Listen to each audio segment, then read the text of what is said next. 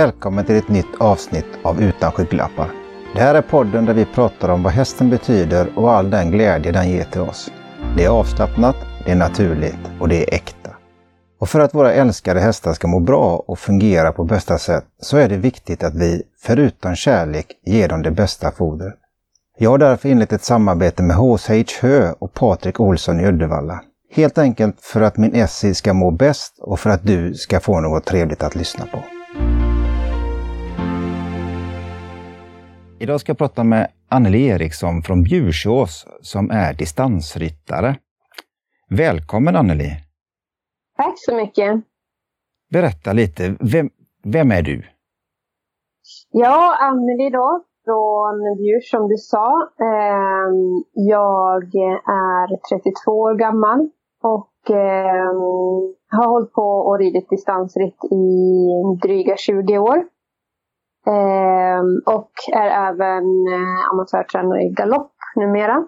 För arabhästar främst. Okej. Ehm, ja, Va, så det är väl det. Distansritt, förklara lite begreppet. Vad är, vad är det för någonting? Ja, det är att man rider mellan fyra mil på lägsta clear-round-nivån upp till 160 kilometer, alltså 16 mil på en dag. Och eh, det är mästerskapsdistansen då, som man rider internationellt.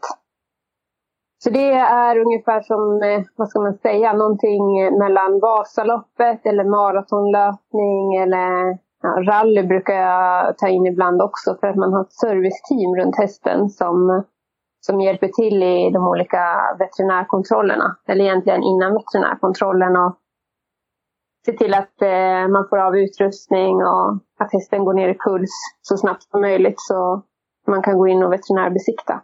Okej, för, jag, för jag förstår det hela. Ni, när du rider den här eh, långa distansen, 16 mil, eh, Mm. så då, har ni, då rider ni dem under en dag på fem etapper. Ja, precis. Och, Och då är det en veterinärkontroll före start och en efter mål. Och sen så då emellan etapperna.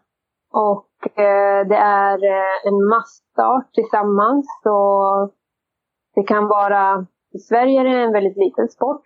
Eh, så det kanske är några få starter. Men eh, på stora tävlingar som jag varit och ridit ibland så kan det vara upp mot 200 starter. Eller 200 hästar som går iväg tillsammans i galopp.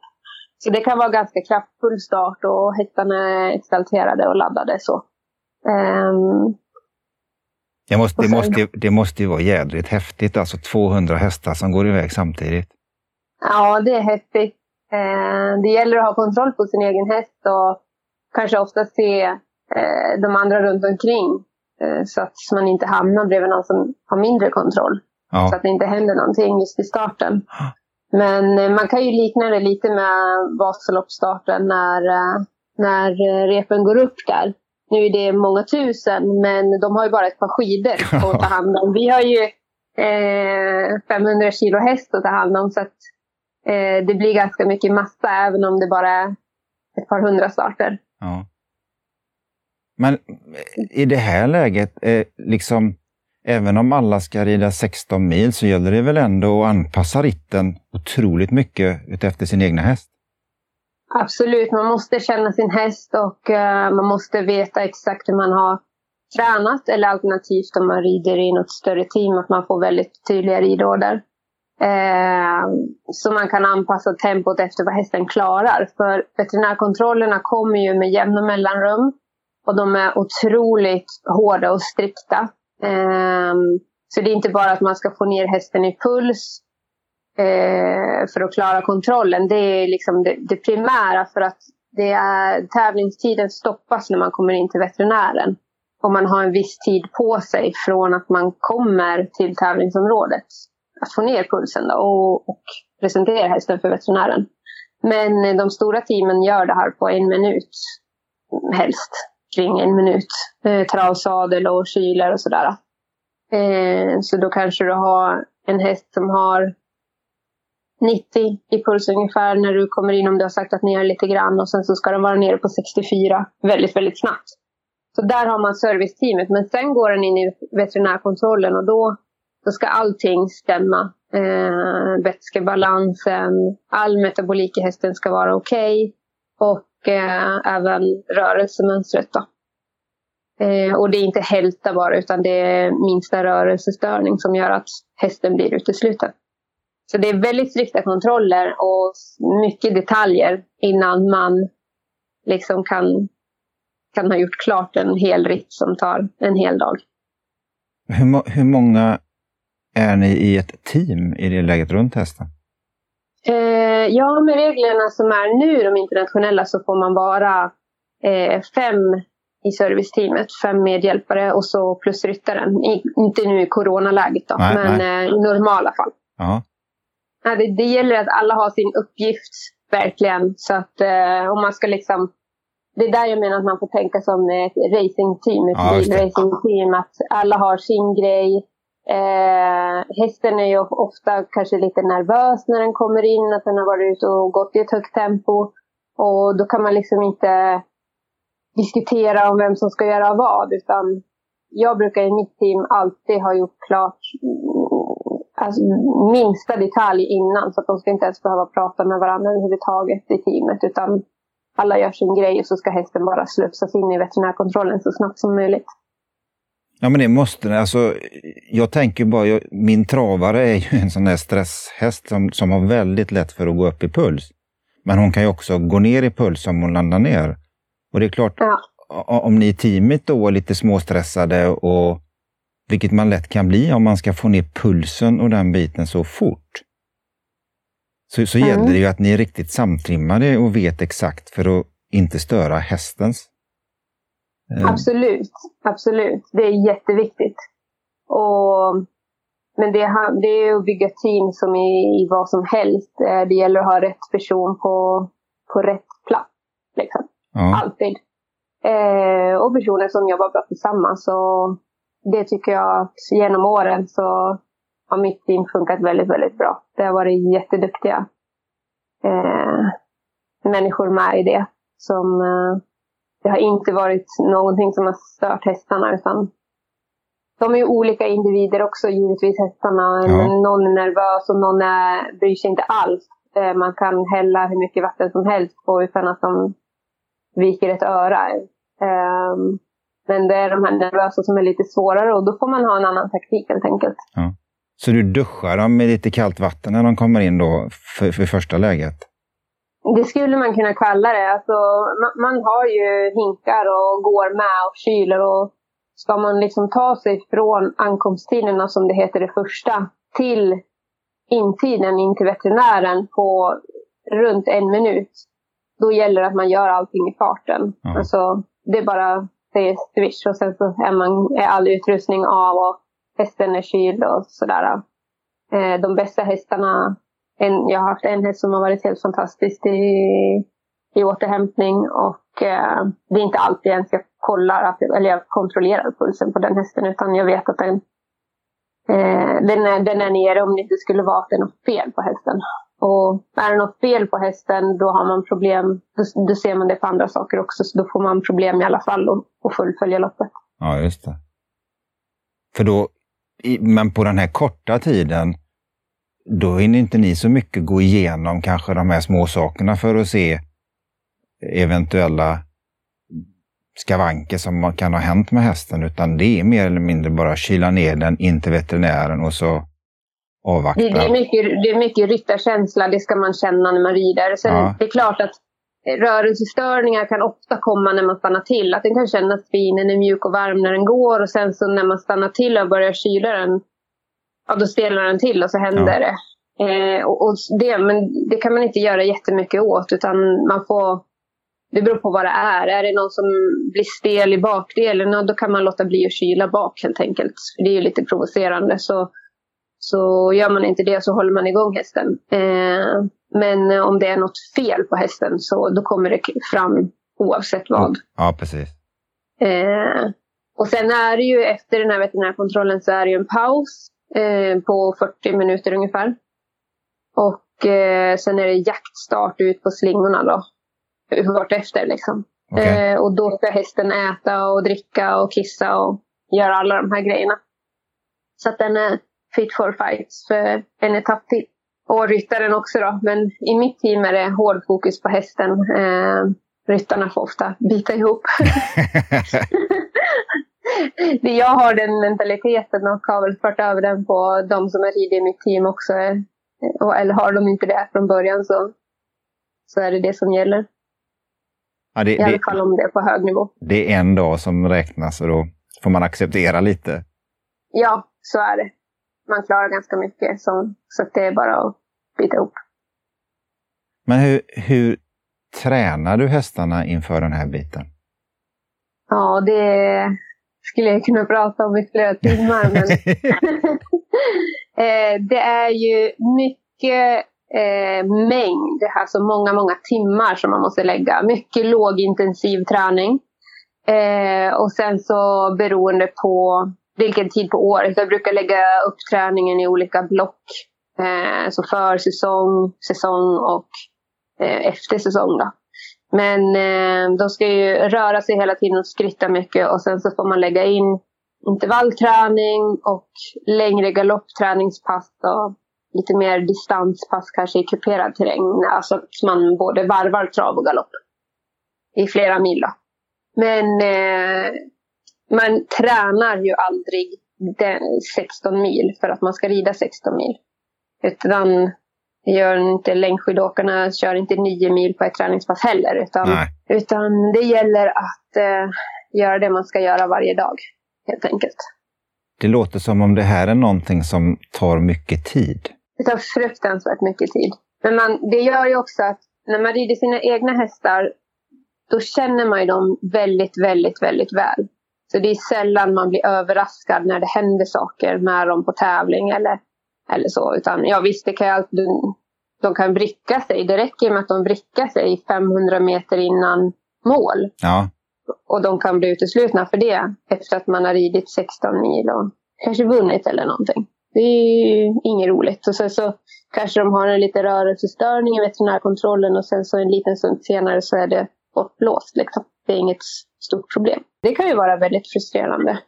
Alltså, vänta, du, du, du kommer in, du har gått i mål, du har så att säga officiellt segrat och sen ska den in på en veterinärbesiktning och så kan de hitta någon liten, liten grej som säger nej tack, du vann inte. Ja, då blir man diskad helt och hållet så då ja. får man inget resultat alls. Så det är ju en väldigt hård sport. Eh, och eftersom sporten utvecklas i hastighet eh, har gjort enormt de senaste åren, vilket kräver mycket av hästarna, så har även veterinärkontrollerna skärpts eh, ganska mycket ja. som säkerhet för hästarna och såklart. Eh, så det kan vara otroligt små detaljer som är avgörande. Men Klara, alltså, hur hanterar man den situationen? Är man, är man så medveten om den? Eller vad? Ja, det vet man ju. Alltså, är man på högsta nivån så har man ju hållit på ett tag för att ta sig dit. Eh, eftersom det är mycket kvalificeringar och så vidare. Så det är liksom inte som att man kan börja och sen så inom ett år komma till högsta nivån. Det går inte. Nej. Så det är någonting som ja, är med i spelet helt enkelt. Så att, eh, det är tävlingsformen, så det får man acceptera.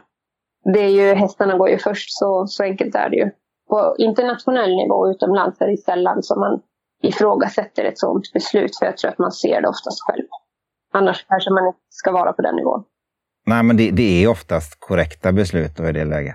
Ja, på högsta nivån så är det absolut oftast korrekta beslut.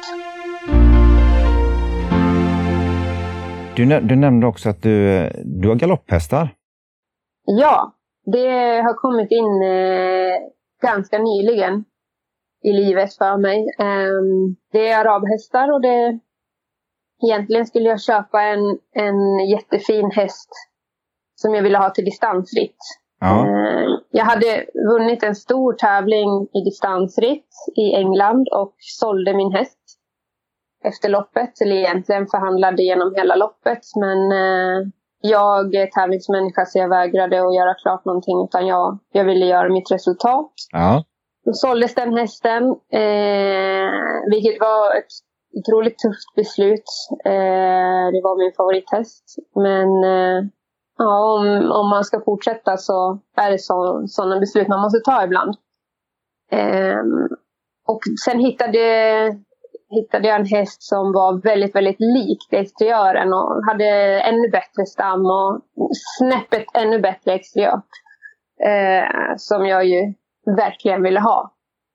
Och eh, det stod i, i Frankrike på en stor, stor uppfödning och de ville absolut inte sälja den till distansritt för det var ju en fin galoppuppfödning. Ja. Eh, generationer tillbaka. Så de sa att ja, du kan få köpa den men då måste den gå galopp, annars får du inte köpa den. Okej. Okay. Så det var så jag hamnade i galoppen faktiskt. Eh, så tänkte jag att jag sätter väl henne i träning ett år och sen tar jag hem henne och, och kör distansritt. Men eh, det var ju väldigt kul att vara hästägare eh, inom galoppen. Så att då fastnade jag där. Eh, och sen av olika anledningar så tänkte jag att äsch, jag tar den här tränarlicensen och, och tränar själv istället. Så då hamnade jag där och blev fast där, helt enkelt. Ja, häftigt. Ja, det är jättekul. Men ste steget är inte så långt egentligen för att distanshästar är galopphästar i grund och botten oftast, eller? Inte oftast skulle jag inte säga. Eh, det skiljer lite grann. Om man bara tittar i Sverige där distansritten är en liten sport så är det väl ibland som man köper hästar från galoppen. Eh, och utomlands ibland. Men utomlands är distansritt en jättestor sport istället. Så där har man ju avel bara för distansritt. Men jag har köpt en del hästar från galoppen eh, som jag använt till distansen.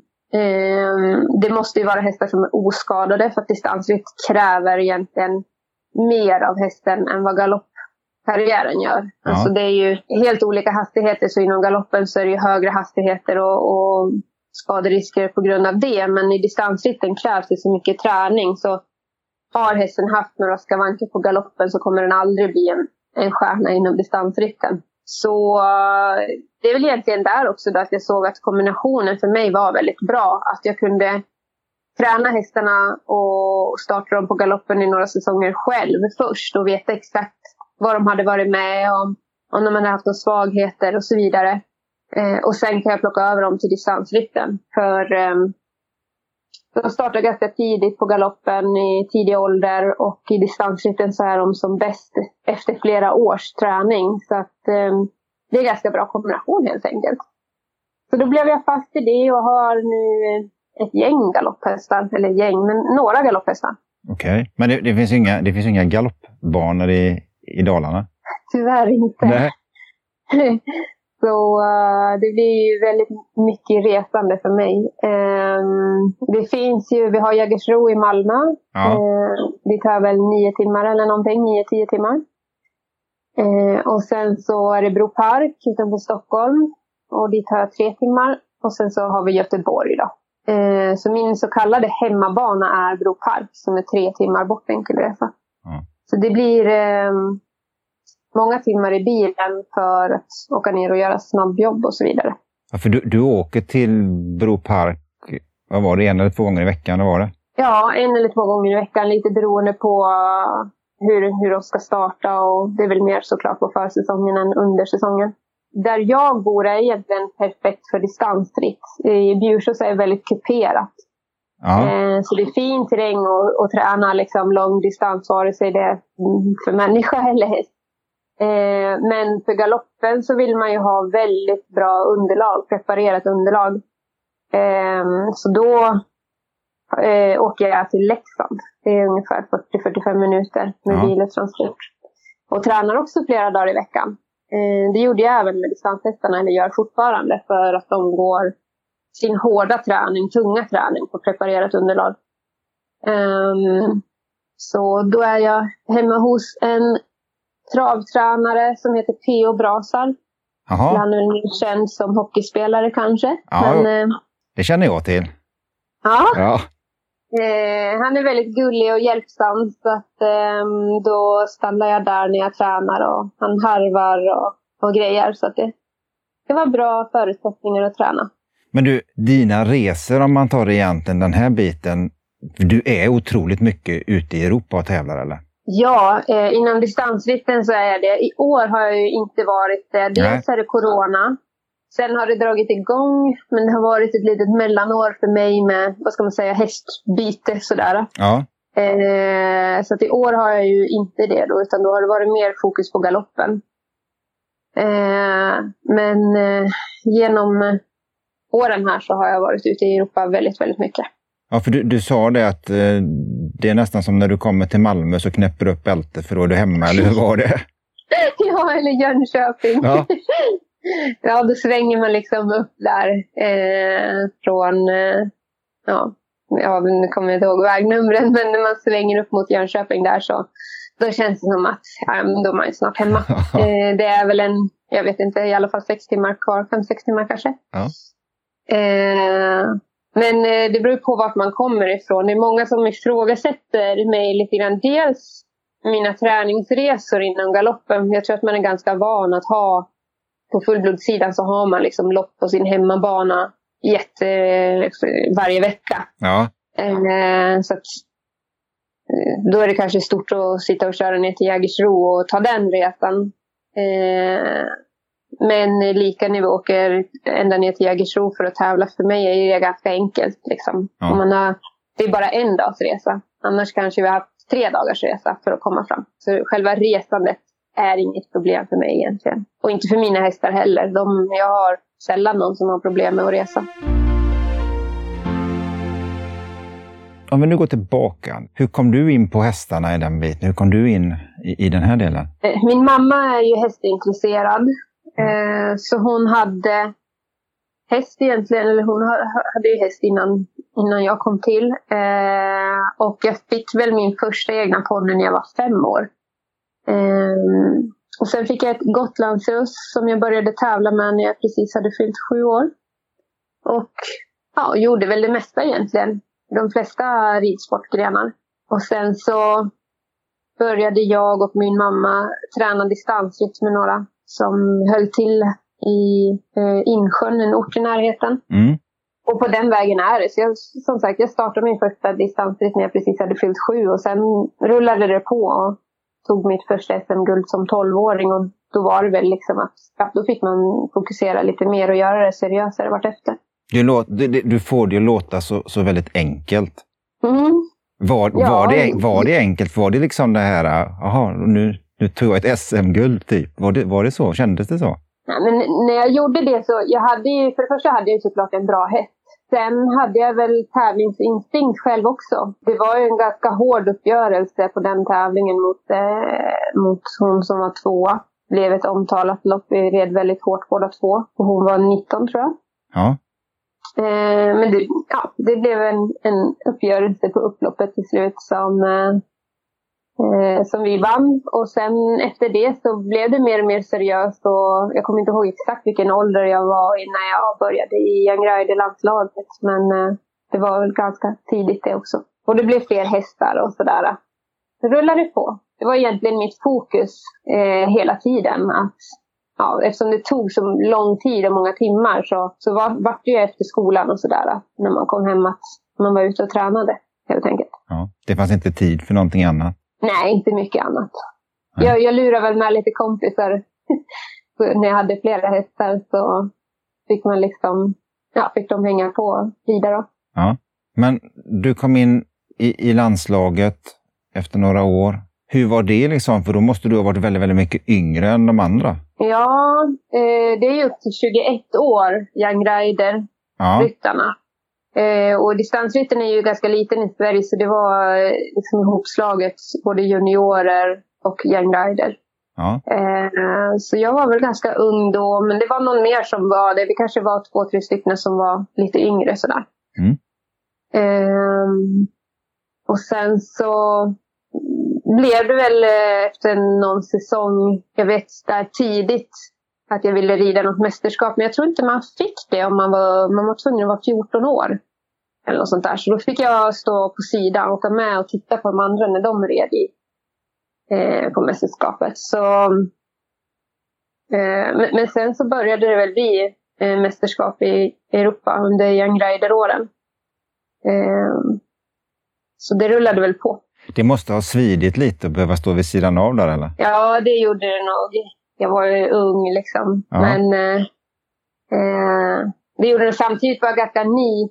Eller, eller jag hade ju för sig ridit distans Ja. Jag var precis fyllda sju, men, men eh, jag var väl ganska ny på den högre nivån. Så det fanns ju jättemycket att lära och titta på de andra. Eh, och sen var de egentligen, de som red var ju mycket äldre än mig. Så det var väl okej okay att stå på sidan. Men det är klart att jag eh, vill ju alltid tävla själv. Ja. Det måste ju vara en, en sport också där det händer en del eh, olyckor och sådana saker. Det är inte så farligt faktiskt. Eh, många tänker ju på fälttävlan när man hoppar hinder och sådär. Men det är inte så farligt. Det, det har varit kanske mer på senare år att det har blivit någon olycka. Men eh, eh man rider ju i naturen. Liksom. Att det, det, kan vara vägar eller stigar eller vad det nu är. Så det är inte så olycksdrabbat ändå. Det är hyfsat terräng som ni rider i i alla fall? Ja, det är det. Jag har ju gjort några, tagit några hjärnskakningar och sådär. Men jag varit både på träning och tävling. Men den värsta som jag gjorde på tävling, eh, då var det på våren så att det var kärllossning. Eh, så det var ju liksom inte hästens fel på något sätt. Utan den trampade igenom marken. Det såg fint ut när vi kom och red men sen så bara försvann det under. Eh, okay. Så den stupade och gjorde kullerbytta. Och jag eh, landade på huvudet och blev medvetslös. Eh, hästen klarade sig med något skrapsår bara så det gick jättefint. Du berättar lite att, att de här hjärnskakningarna har en effekt på det, eller hur? Absolut. Jag har fått för många helt enkelt. Eh, och eh, även upprepade tillfällen, alltså i nära tid. Ehm, jag har alltid varit väldigt eh, fokuserad och målmedveten och när det har hänt så har det ju alltid hänt eh, opassande. Ja. Alla skador kommer ju i dålig timing jämt, vad man än håller på med. Och liksom haft bråttom tillbaka och sådär. Så mm, det har jag fått sota för helt enkelt. Jag har en del problem med det eh, än idag. Både med minne och ja, kapacitet egentligen överhuvudtaget. Jag har haft en ganska hög arbetskapacitet där jag klarat mycket men klarar väl inte lika hårt jobb längre som jag gjorde innan. Hur, hur har du fått anpassa dig för den delen då i det läget? Ja, hur får man snarare fråga hur andra har fått anpassa sig. Nej, Nej, men jag har helt klart anpassat mig, absolut. Jag har ju varit borta ett helt år vid ett tillfälle. Eh, hade en väldigt tuff tid så. Eh, men eh, jag har ju pressat gränserna, helt klart. Du berättade när vi snackade vid att, att det är så pass att du får inte ramla av igen, eller hur? Nej, det är väldigt dumt. eh, och är väl en av anledningarna kanske också att jag eh, inte tittar på att rida galopplöp och sånt själv. Eh, vilket kanske hade varit en naturlig väg att gå nu när man har kommit in i sporten och jag egentligen är tävlingsryttare själv ut i fingerspetsarna. Så klart att jag är sugen på det och jag har även ridit ponnygalopp när jag var liten och älskar fart. Men eh, jag vill ju inte hamna i det läget att jag skadar mig så illa så att ja, jag kanske inte kan fortsätta med någonting. Nej. Så då har jag kommit till det mogna beslutet att hålla band på mig. jag rider dock träningsjobb så att eh, jag får ut lite adrenalin och, och fart av det ändå. Men då är man ju liksom med sin egen häst på en väldigt säker bana. Eh, I loppen så, så kanske det är 10-15 hästar på samma bana och man, man trängs om positioner och sådana saker. Så det är klart att det är väldigt lätt att det kan hända olyckor då. Eh, och den sitsen kommer jag inte sätta mig Nej. Nej, det är klart att när det, när det är lopp är det lättare och liksom, man ligger ju närmare gränsen hela tiden än vad man behöver göra när det är en träning. Absolut, absolut. Um, så att uh, uh, lite har man lärt sig med åren eller mognat till. Annars, annars är det klart att uh, jag skulle älska att rida loppen själv på mina hästar. Absolut. Men uh, det, är, det är kul att träna dem också. Sen så får jag helt enkelt rida dem i distansritten. Jo, men det, då, får, då kommer du in i, i den normala biten för din del. Ja, precis. Men tror, tror du utifrån den biten som du har nu, alltså, känner du att, att de hästarna som du har inne i galoppen, är det potentiella eh, topphästar inom distansritten? Mm. Eh, några är det absolut. Eh, jag har ju en som jag absolut vill rida unghäst-VM med om två år. Eh, och har börjat kvala lite grann. Det är två helt olika träningsformer så att jag vill inte kombinera det med dem, eh, med träning. Eh, men de lägsta kvalen i distansritt klarar i princip alla hästar av att göra. Det handlar bara om hastighet för att akta sig för slitage. Och då, ja. har, jag, då har jag valt att, att göra några sådana kval med den hästen när galoppsäsongen är slut eller typ på hösten eller vinterhalvåret. Så. Hon har gjort några kval på, på vägen och ska göra det fortsatt. Så det är ju ett väldigt stort mål för det är en häst med otrolig potential. Vad är, vad är det du känner då? Alltså, och hur är den potentialen en nackdel i galoppen? Nej, nej, men det är ju olika, vad ska man säga, muskler som, alltså olika muskeltyper. Ja. Eh, för det är bara att kolla på en maratonlöpare eller en sprinterlöpare. De ser inte riktigt lika ut. Så det tar ju i alla fall ett år att bygga om hästen, ordentligt bygga om hästen eh, till distanshäst. Så det går liksom att, att smyga med några sådana små kval under tiden. Men det går inte att träna hästen i distansritt för att den får mycket segare och uthålligare muskler. Den ska ju vara så explosiv på galoppen. Så det du eh. känner i den här biten nu, det är mer hjärta, lungor, att de är där? Det är fantastiskt och exteriören och eh, eh, ja, men hela hästen, steget, allting. Hon kommer ha lätt för sig när hon ska... Hon kommer springa väldigt, väldigt, väldigt lätt på distansbanan. Um, sen har hon lite nerv, så det kommer väl bli eh, en utmaning att få henne att förstå att det är faktiskt inte galopprace utan det är långdistans. Det är det här med att få ner pulsen. Ja, men precis. Och, och jag tror inte att det är några problem, eller jag vet att det inte är några problem just fysiskt, men eh, eh det hänger ju ihop också med psyket. Så att, ja. Men de brukar lära sig ganska fort. Det, problemet är nu när man gör något kval så här på hösten och de har gått galopp eller de ska gå galopp, att man håller på och byter emellan. Det är egentligen inte optimalt, men det är tvunget för att det, det krävs så många kval innan man kan komma upp på nivå i distansen. Um, så det är väl då de kan vara lite stressade, men då får man nästan bara låta dem vara det. Så får, det, får man strunta i hur lång tid det tar att få ner pulsen. Det är inte resultatet som räknas där, utan det är egentligen bara att bocka av kvalet så man kan gå på nästa. Och sen när, det, när man väl väljer att rida distansen, det är då jag är intresserad av resultaten. Ja, just Men, men hur, hur, många, hur många kval är det att gå igenom och hur, hur går ett kval till? Ja, det är som en vanlig tävling. Eh, men först måste man göra nationella kval. Och med tanke på hur små detaljer som kan göra att hästen blir diskad så blir den det, då måste man ju göra ett nytt. Och okay. Man kan liksom inte göra hur många som helst eftersom rider man åtta mil så krävs det att hästen får en liten viloperiod eller eh, inte vila med att den ska inte göra någonting men vila från tävling. Eh, inom galoppen eller kanske travet också kan man starta relativt tätt. Mm. Men eh, det gör man inte med distanshäst. En distanshäst på hög nivå gör i princip aldrig mer än tre starter på en säsong. Det är lite, men det är samma, samma alltså en maratonlöpare springer inte lika tätt som en sprinter. Nej, det, det blir lite samma. det är precis samma sak. Men, men är, det, är det liksom en annan tidskrav då på kvalet eller vad finns det för gränser som du ska klara för att... Ja, det, det finns gränser på de nationella kvalen så får man inte rida för fort helt enkelt. Nej. Men man, får, man kan bli godkänd i tävlingen fast man rider för fort. Men då får man inte noviskval som det kallas för att få komma upp på internationell nivå. Så det är egentligen väldigt få som inte rider. Man rider under hastigheter för man vill ju vidare. Liksom. Ja, det är klart. Och det är en säkerhet för hästen att den inte ska gå för fort fram och få slitage och sådär. Ja. Eh, så det är bra. Eh, så det är fyra sådana. Två stycken på fem mil, två på åtta mil. Och sen kommer den upp på internationell nivå. Då ska den gå två gånger på tio mil.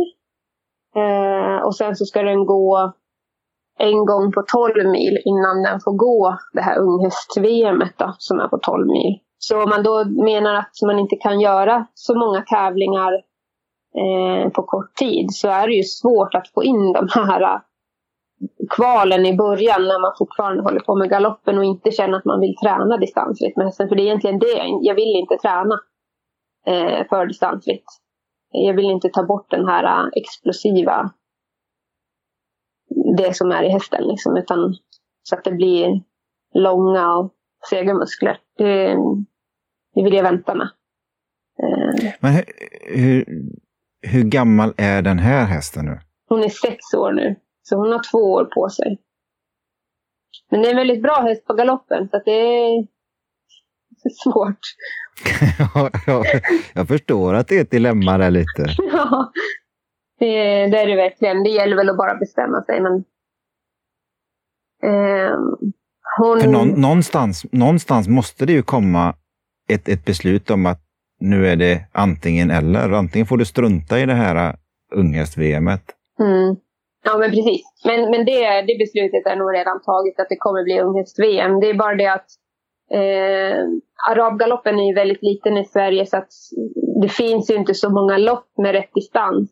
Så i år när det inte var några distansrytter då blev det ju mycket fokus på galoppen och hästarna fick gå lite grann eh, vissa lopp för att det inte fanns några lopp som passade. Eh, ja. Men det kommer jag inte göra nästa säsong utan de kommer få gå bara de loppen som, eller i alla fall hon då, som verkligen passar henne.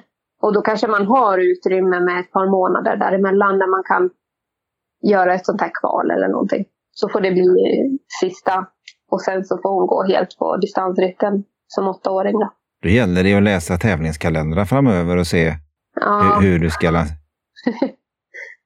det, det är ju så det är svårt, eh, svårt att kombinera. Jag trodde faktiskt inte på grund av också eh, ja, med de slitagen jag har på min eh, kropp efter alla skador så trodde jag inte att jag kunde köra båda sporterna samtidigt. Eh, det var därför jag höll emot ett tag. Liksom, och, äh, men hon får stå i träning hos någon annan och sådär. Men jag tänkte, var det många som pushade, men du måste träna din hästar själv. Eh, så då gjorde jag det och så gjorde jag det som en test och det, det funkade ju. Sen har det blivit lite byte med hästmaterial och sådär. Eh, och corona också, som, så det blir ett mellanår liksom. Men, men eh, det funkar ganska bra. Det, man kommer in i det när man lär sig allting.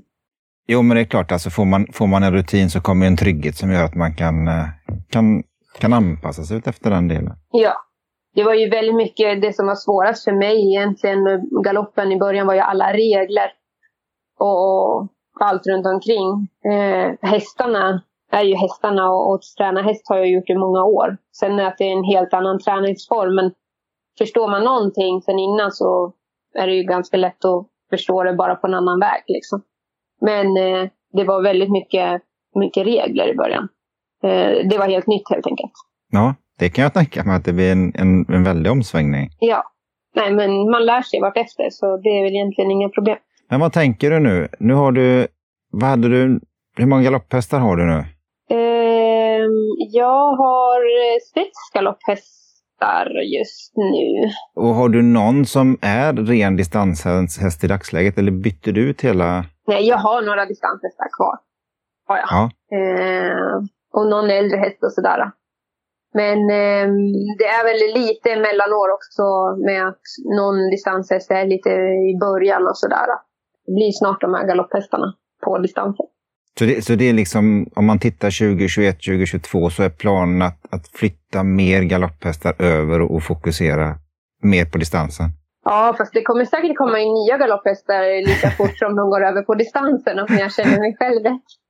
Så eh, det är nog egentligen bara i år som är ett mellanår på distansen och sen så kommer det nog bara vara fullt ös skulle jag tro, med båda sporterna. Har du varit ute och tävlat något inom galoppen? Liksom? Vad har du, vad... Ja, alltså som tränare då.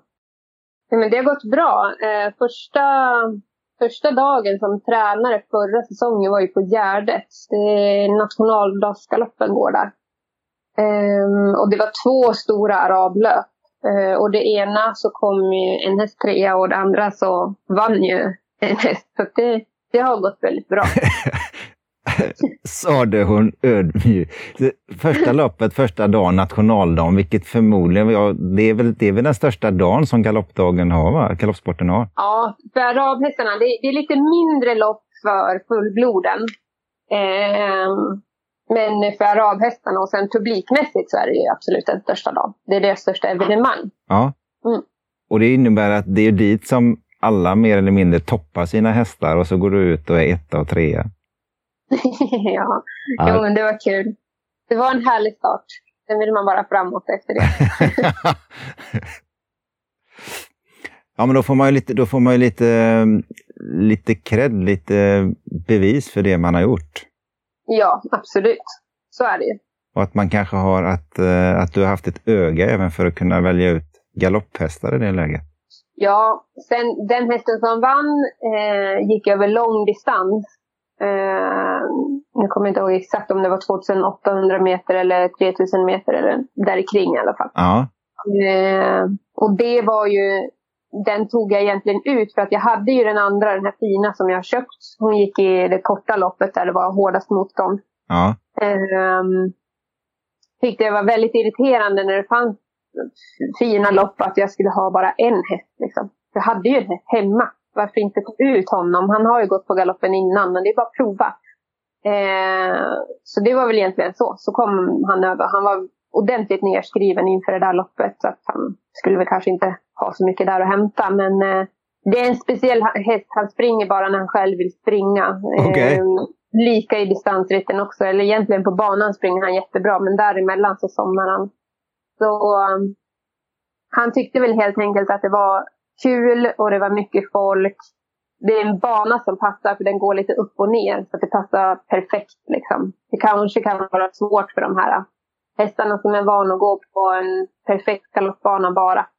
Uh, men för mina hästar som, som amatör när man inte står inne på en bana utan står utanför och rider mycket i naturen så, så passar ju den där banan perfekt det blev en liten bonus och sen ja, att han vann då, det var ju otroligt kul. Ja, det, det kan jag tänka mig när han då kanske var med mycket som ressällskap också. Alltså, ja. ja, det ja ja, man vet aldrig. Man, om man inte anmäler har man absolut ingen chans, eller hur? Nej, men precis. Jag hade tränat på honom ganska hårt där inför det där. Egentligen lite kort tid sådär också. Ehm, men eh, han tycker om att komma ut och så när han är fräsch. Att han liksom inte... Han tycker inte om det här att nöta och träna varje dag hela tiden i flera månader på rad. Utan han går som bäst när han har fått liksom lite tid ifrån banan och känner sig fräsch och kommer ut sådär. Ja, det passade perfekt. Och sen så ja, blev det ju blodad tand såklart. Då. Eh, så körde klart det där året och fick ja, egentligen en seger tävlingsdagen efter också var också en stor dag på Bro Park. eh, med fina, fina lopp för arabhästarna också. Eh, och stoet fick vinna där ett, ett storlopp. Ja. Eh, som jag verkligen, verkligen ville att hon skulle vinna också såklart. Så det vill man alltid, men, men hon hade ju absolut chans. Eh, så det var ju skönt. Men sen så, eh, så sen blev det fler hästar efter det helt enkelt. Och nu har jag plötsligt köpt ett engelskt fullblod också. Så att, eh, det är väl bara framåt som jag ser det. ja, det är häftigt Anneli. Det, det är ja. riktigt kul att höra. Ja. Uh, och det, det, det är så kul också, och liksom den här att du, att du förenar de här två sporterna och trots att det då är olika typer av träning så, så får du ett sätt att kunna anpassa dig mm. och träningen för hästen för att få dem att funka. Det går ju. Och sen, sen så kan man säga också att eh, någon häst kan väl göra både och. Men det, det, är en sämre häst som kan göra det. Ska man ha en bra häst på galoppen så kan den inte hålla på med distansrytt samtidigt. Utan det är därför jag verkligen vill separera den. Men, men som sagt den här hästen som vann på Gärdet där. Han är bra på de långa loppen men han är inte så bra i de här kortare loppen. Eh, så att, och det finns inte jättemånga långa lopp för dem i Sverige. Så eh, ja, då går det att kombinera lite grann. Men eh, annars får man ta en sak i taget helt enkelt. Men det, det är perfekt att det är väldigt fina hästar att använda till distansritten sen. Men de har fin träning i kroppen för hjärt och lungkapacitet. Så. Eh, det är en jättebra kombination. Ja, det, om, vi, om man tar som lite, som lite avslutning på den här biten, alltså att skulle, är, har en, en bra galopphäst som liksom får rida färdigt sin karriär inom, inom galoppen och vara framgångsrik, har den en fördel för att bli en, en bra distansryttare om man får skola om den?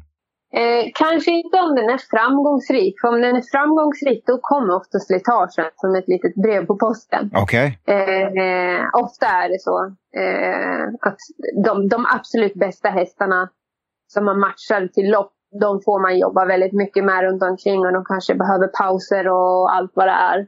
De som är absolut snabbast. För det är ju farten som dödar oavsett sport. Liksom. Mm eh, så säger man ju alltid det är distansritten. Men när man rider i höga hastigheter så då, då kan man inte rida hur många lopp som helst och nöta på. Utan då blir det slitage. Så då får man ju välja, välja tävlingarna med omsorg och, och kanske ha lågintensiv träning däremellan.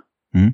Men eh, så egentligen de bästa hästarna till distansritt är de som är lite medelmåtta på galoppen. Som inte, inte är de snabbaste utan som, ja, men som fått lite träning och kanske någon säsong men aldrig riktigt har blivit någon stjärna. Så det är egentligen de som är bäst om man ska vara krass.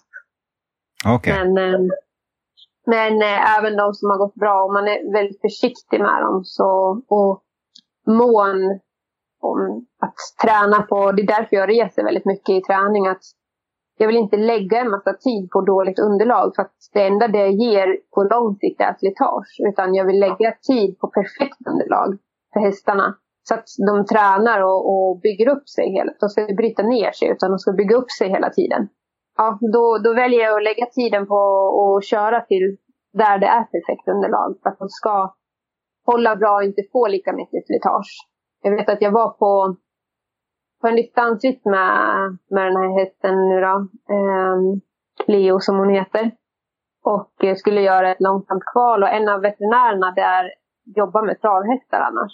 Eh, okay. så eh, ja, jag, jag, hon var lite stressad i förbesiktningen och sådär. Så jag ursäktade mig lite och sa att det var en galopphäst.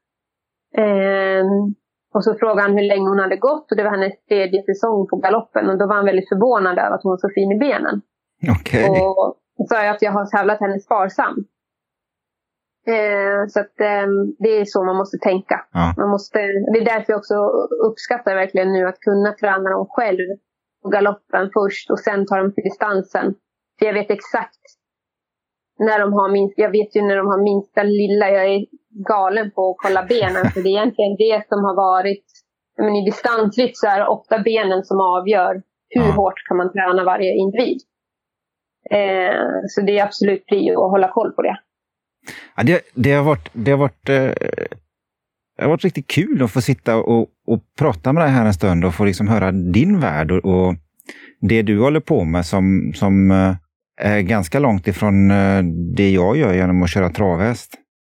Ja, så att, det är jättekul. Ja, så att jag, jag är jättetacksam för att du har tagit dig tid och jag önskar dig självklart all lycka till och, och då speciellt med den här unghästen och, och unghäst-VM som du satsar på där. Ja, men tusen tack! Så får vi hoppas att allting går bra och eh, ja, vi, vi lär väl hålla kontakten. Absolut, det gör vi. Ja. Och lycka till själv inom travkarriären. Du, tack så jättemycket! Ja. Ha det bra! Hej då! Ja, hej! Vi tackar dig för att du har lyssnat på Utan skygglappar. Det här avsnittet presenterades av H.C. Hö och Patrik Olsson i Uddevalla. Vi hoppas självklart att du gillar det du har hört och att du följer oss i din spelare samt delar det vidare till dina vänner. Tack så mycket!